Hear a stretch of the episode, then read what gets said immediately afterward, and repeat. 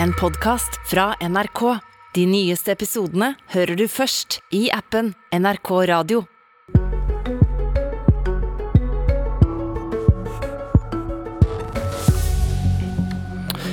Krigen gjør mat, drivstoff og strøm dyrere. Så hvordan kan regjeringen hjelpe familier som sliter? Et av hastetiltakene bør være å ikke fjerne fritidskortet for barn, mener KrF. Men treffer de det de sikter på her? Den forrige regjeringen innførte et fritidskort der alle barn mellom 6 og 18 år skulle få 2000 kroner i året til fotball, piano eller andre aktiviteter. Målet var å nå familier med dårlig råd. Kjell Ingolf Ropstad fra Kristelig Folkeparti, velkommen til Politisk kvarter. Tusen takk. NRK har da forsøkt å finne ut hva som skjedde i noen av de kommunene som har vært med på denne ordningen. Hvem fikk penger? Og i de seks kommunene som ga innsyn i hvem som hadde fått fritidskort, var det de som tjener best som hadde fått mest. Så det kan altså se ut som om pengene ikke når fram til de barna som trenger dem. Hva tenker du om det?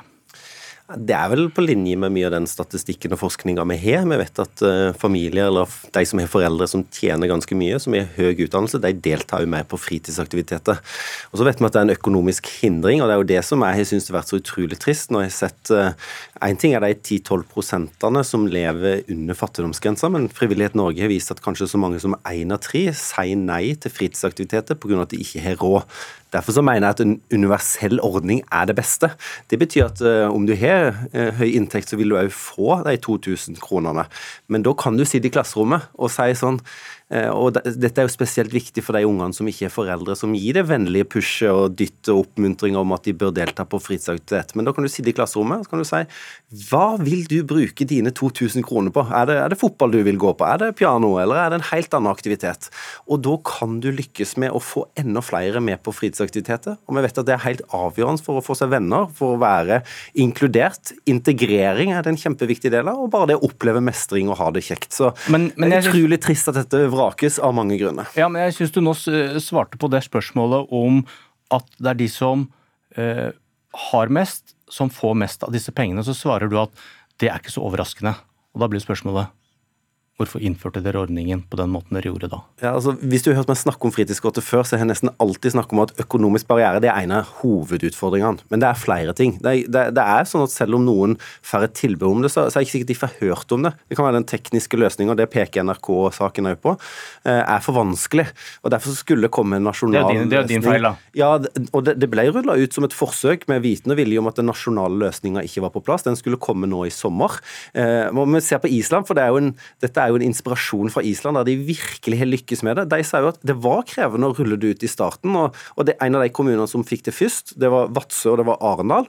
Og i fjor, eller i 2020 i Arendal, så var det 4000 som deltok. I 2021 så var det 5000 av vel litt over 7000 unge. Så jeg tror at hvis dette bare hadde fått lov å virke, hvis en hadde fått rulla det ut, hvis en hadde fått enda enklere løsninger, så tror jeg at eh, en òg hadde nådd den gruppa som er vanskelig å nå. Vanskelig å nå. KrF sier nå at et av hastetiltakene for å hjelpe de familiene som sliter mest når mat, strøm og drivstoff blir dyrere, bør være at regjeringen ikke fjerner fritidskortet. Hvordan kan dette hjelpe de som sliter mest, når det nå ser ut som pengene fra fritidskortet i liten grad når dem, som du selv også innrømmer? Ja, altså, det er i en innkjøringsfase. Jeg er sikker på at en vil lykkes med å klare å nå enda bedre. Og Da er det viktig å få fram at hvis den tekniske løsningen hadde kommet i sommer, så kunne en da sittet til høsten og snakka i klasserommet. Og, og, noen av tankene var å bruke verktøyene der de har ukesplanen og får leksene og sånne ting. Så alle ungdommene og ungene dette, høres fint, dette høres fint ut, men hva slags mening gir dette som hastetiltak? Hvis dette ikke virker nå? Jo, men det, det, vil jo virke, og det vil være ekstremt viktig at en oppfordrer og, og hjelper de til å bli kjent med kortet. Eh, og, og, det som er noe av hovedutfordringa, det er at barn, og, og for så vidt ungdommen, de er jo verdensmestere i å forsvare foreldrene sine. Og, når de skjønner at mamma og pappa har dårlig økonomi, så velger de å ikke spørre om å kunne delta på fotball. De velger å ikke gjøre de fritidsaktivitetene, og de havner utenfor. Eh, og jeg tror jo bare det å delta i fritidsaktiviteter, det er ekstremt viktig for for å få det nettverket, for å lykkes og for å utvikle seg som menneske. Så jeg frykter konsekvensen av dårlig råd i familiene. Det er at barn og ungdom de får delta mindre på fritidsaktiviteter nå enn det de har gjort før. Men et hastetiltak som ikke virker nå. KrF, KrF bruker krigen til å ri en kjepphest? Eh, nei, dette, dette, er vi for uansett. Men det er jo enda mer dramatisk nå, fordi at vi vet at høye strømpriser, høye bensinpriser, som regjeringa ikke klarer å, å, støtte husholdningene godt nok på, de er jo med på å gjøre økonomien så trang at det kan gå utover barn og unges deltakelse i fritidsaktiviteter. Vi har gjort så mye i så mange år. Altså, Vi har økt tilskuddsordninga til lavinntektsfamilier til over en halv milliard, med to milliarder i momskompensasjon. Det er så mye viktig som gir til frivillige organisasjoner, men vi klarer ikke å nå disse ungene, disse ungdommene. Og Fritidskortet det ville vært 2000 kroner rett i hånda, og jeg er helt sikker på at hvis det hadde fått lov å virke, så hadde vi klart å få inkludert enda flere. Barne- og familieminister Kjersti Toppe fra Senterpartiet, god morgen. God morgen. Hvorfor vil ikke regjeringen satse på denne ordningen med fritidskort for barn? Det er pga. at uh, vi ser at det var en uh, komplisert ordning, en dyr ordning, som uh, hadde veldig mye administrasjonskostnader, og som opplevdes lite tilgjengelig. og det er jo det som NRK-undersøkelsen viser. Dette er en ordning som eh, bruker mesteparten av pengene til de rikeste familiene. Og der en eh, hele sju av ti kroner da eh, går til familier som kan kalles høytlønte. Og det er jo det som er det store paradokset her, når KrF sier at det skal være et hastetiltak i denne situasjonen. når Eh, det er ganske um, ja, uomtvistelig at denne ordningen nå ikke når ut til de familiene som virkelig trenger det. Det kan faktisk være med på å øke forskjellene, og ikke redusere forskjellene, slik som fritidskortet ble lansert som et tiltak mot. Så vi ønsker å bruke pengene på en annen måte. Vi har um, satsa på frivilligheten og kommunene, slik at de sjøl kan lage lokalt tilpassa uh, ordninger. Full momskompensasjon f.eks., og, og styrking av kommuneøkonomien. Det gjelder jo budsjettet for 2022. For å spørre deg om det, Toppe. Hvor mye penger bruker dere som du vet når disse eh, svakeste barnefamiliene? Altså, jeg har jo ikke et eh, samla regnestykke på det. Eh, men det er jo veldig Hvorfor ikke?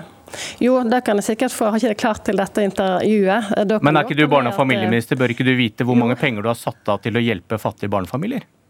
Ja, altså Vi har jo nå 555 eh, millioner kroner til en tilskuddsordning eh, for barn og unge til integrering, som kan gå f.eks. til å gi barn og unge gratis eh, utstyr til sports- og fritidsaktiviteter. Var det penger dere satte av? 550 millioner? Til sammen. Vi, vi, vi eh, styrke den med 50 millioner kroner, det er jo, det er jo ganske betraktelig. Ikke vi... målt opp mot 1,8 milliarder som Ropstad ville bruke på et fritidskort? Ja, 1,8 eh, milliarder som ikke var finansiert. De hadde jo aldeles ikke finansiering i, i, dette budsjettet. Så innførte vi full momskompensasjon, som var vel på et par hundre millioner kroner. Så styrker vi kommuneøkonomien med 2,5 milliarder kroner. Og vi òg eh, gjorde barnehagene billigere, som betyr faktisk mye for mange barnefamilier familier. Så det er mange tiltak eh, okay. på, på barnefamiliefeltet som betyr noe for, eh, for, eh, for, barnefamilier. Men det som er poenget i denne diskusjonen, er jo om vi skulle faktisk bruke 1,7 milliarder kroner på en ordning som faktisk ikke når ut til de familier som virkelig trenger det. Ropstad. Ja, men det er her jeg reagerer for ikke nå ut. Ja, det, det, det, er riktig at i en utrullingsfase Vi har vært gjennom en pandemi. Det som skjedde når dette ble rulla ut våren våren i noen kommuner våren 2020 var jo at pandemien kom. Eh, fritidsaktivitet har vært stengt, det har vært vanskelig å dreve oppsøkende arbeid. Og det vil ta noe tid for å nå ut, fordi at det er ikke bare økonomi som er hindring, det er mer enn det. Det er, eh, det er ikke nødvendigvis kultur for å delta på fritidsaktivitet i en del av miljøene. Så det er så viktig å jobbe på flere fronter, men det regjeringa har gjort, det er direkte usosialt fordi det rammer de, de med dårligst økonomi hardest. Det er en universell ordning, ja, men det er det som gjør det mulig at du kan sitte sammen i klasse klasserommet uten at det blir stigmatiserende, uten at læreren må tenke på at det, det sitter faktisk tre-fire stykker her i klasserommet som ikke er økonomi til å delta. Nå, nå skal, det, skal, det, sies at i andre sammenhenger så argumenterer du for målretta tiltak i barnehage f.eks., hvor kun de fattige barna får. Ja, i... Det er ikke helt konsistent dette her, da. Nei, altså, Jeg tror på målretta ordning en del eh, plasser, men, men, vi har prøvd. Det er mange kommuner som har hatt aktivitetskort, men da må du oppsøke Nav. Du må stå med lua i hånda, du må be om å kunne få penger til det. Og Når de ikke har den vennlige oppfordringa og oppmuntringa hjemmefra, eller de bare ikke kjenner til det heller, så har vi ikke lykkes med det. Så jeg er sikker på at når Island har klart dette på en så fantastisk måte som de har gjort, så burde vi fortsatt den kopien som vi har prøvd å innføre her, for å sikre at enda flere kan delta delta. Toppe, denne ordningen skal evalueres. Eh, hva, hva, hva vil du si hvis det viser seg at NRK har tatt feil her? At dere finner ut at det når fattige familier?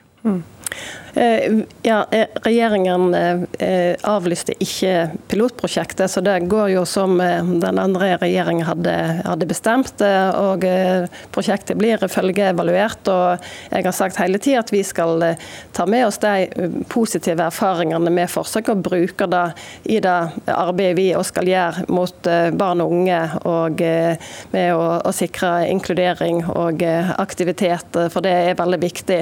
Men det som jeg tenker var veldig spesielt, er jo at den forrige regjeringen eh, gikk ut i, i, valgkampen og sa at de skulle gjøre akkurat denne ordningen til en nasjonal ordning, før de hadde fått sett hva evalueringen eh, sa.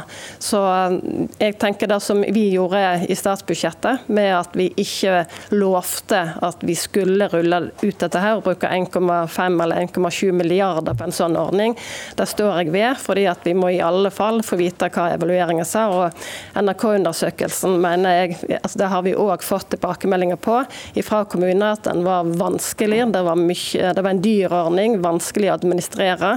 Og de måtte bruke veldig masse ressurser på å klare å forklare okay. ungene hvordan de skulle bruke dette her, og det førte til at det var de ressurssterke som det var mest tilgjengelig for. Ja, og Jeg er glad at Kjersti Toppe vil bruke evalueringa og se på de positive tingene, men en må få en bedre teknisk løsning, og en må gjøre noe med den økonomiske barrieren. og Der mener regjeringa ikke svar. De prøver mer av det vi har gjort i mange år, og det har dessverre ikke funka.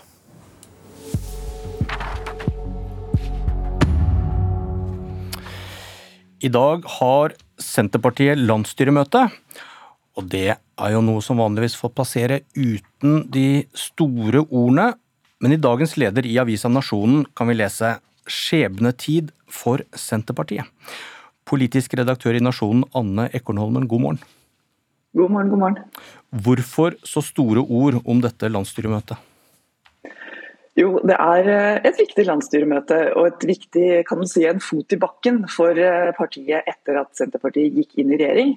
Det har jo vært eh, en ganske raskt nedadgående kurve på meningsmålingene for Senterpartiet.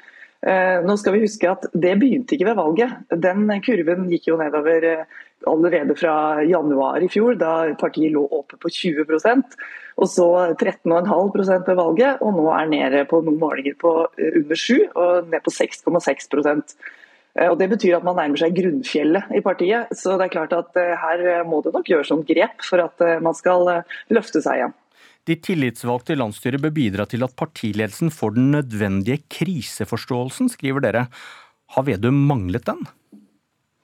Ja, altså, Det er jo krise for mange uh, i, uh, sånn økonomisk. Uh, nå snakker jeg ikke om krigen, for det er mer enn en krise. Men i forbindelse med krigen så kommer også, altså, har vi sett strømprisøkningen, så har vi drivstofføkningen. Pumpeprisen er jo ikke minst viktig for distriktene. Eh, og det er mange, nå er det klart at Energipolitikken styrer jo nå Senterpartiet på en måte som egentlig ikke er deres politiske linje. og Det er det mange velgere som er opptatt av. Skatte- og avgiftspolitikken er også et område der eh, Senterpartiet nå sier f.eks. når det gjelder bensinprisen, vi skal vente og se når det gjelder kompensasjon. Og Det er en del ting her som uh, velgerne nå forventer at Senterpartiet skal ta tak i og være tydeligere på enn uh, de er i regjering akkurat nå. Ja, og Hva slags svar mener du Vedum da kan komme med til partiet sitt i dag? Nei, Det er klart det er nettopp innenfor noen av disse områdene som, som, Senterpartiet har muligheten til å være tydeligere. Skatte- og avgiftspolitikken, energipolitikken, og så ikke minst eh, når man kommer til jordbruksoppgjøret og, og bøndenes eh, inntektsmuligheter, som har vært eh, et av selvfølgelig Senterpartiets viktigste punkter på, på den politiske agendaen. Ikke minst før valget, men også som det er store forventninger til våren som vi kommer til nå. Kort til slutt, Hva må til for at dette jordbruksoppgjøret løfter Senterpartiet? Det skal mye penger til, og er, vi ser jo nå at flere partier melder seg på i den kampen. Ikke minst eh, Fremskrittspartiet og Sylvi Listhaug er tydelige. og eh, Det er jo et politisk spill selvfølgelig fram mot eh, å, å nå de måla som bøndene egentlig vil ha. Men da snakker vi jo opp i flere milliarder kronersklassen for å tette inntektsgapet. For å begynne å tette på inntektsgapet, så må man kanskje allerede opp i fem milliarder denne våren. Takk, Anne Ekornholmen. Trygve Slagsvold Vedum han taler til sitt landsstyre klokka tolv. Dette var Politisk kvarter. Nå er klokka åtte. Jeg heter Bjørn Myklebust. Du har hørt en podkast fra NRK. De nyeste episodene hører du først i appen NRK Radio.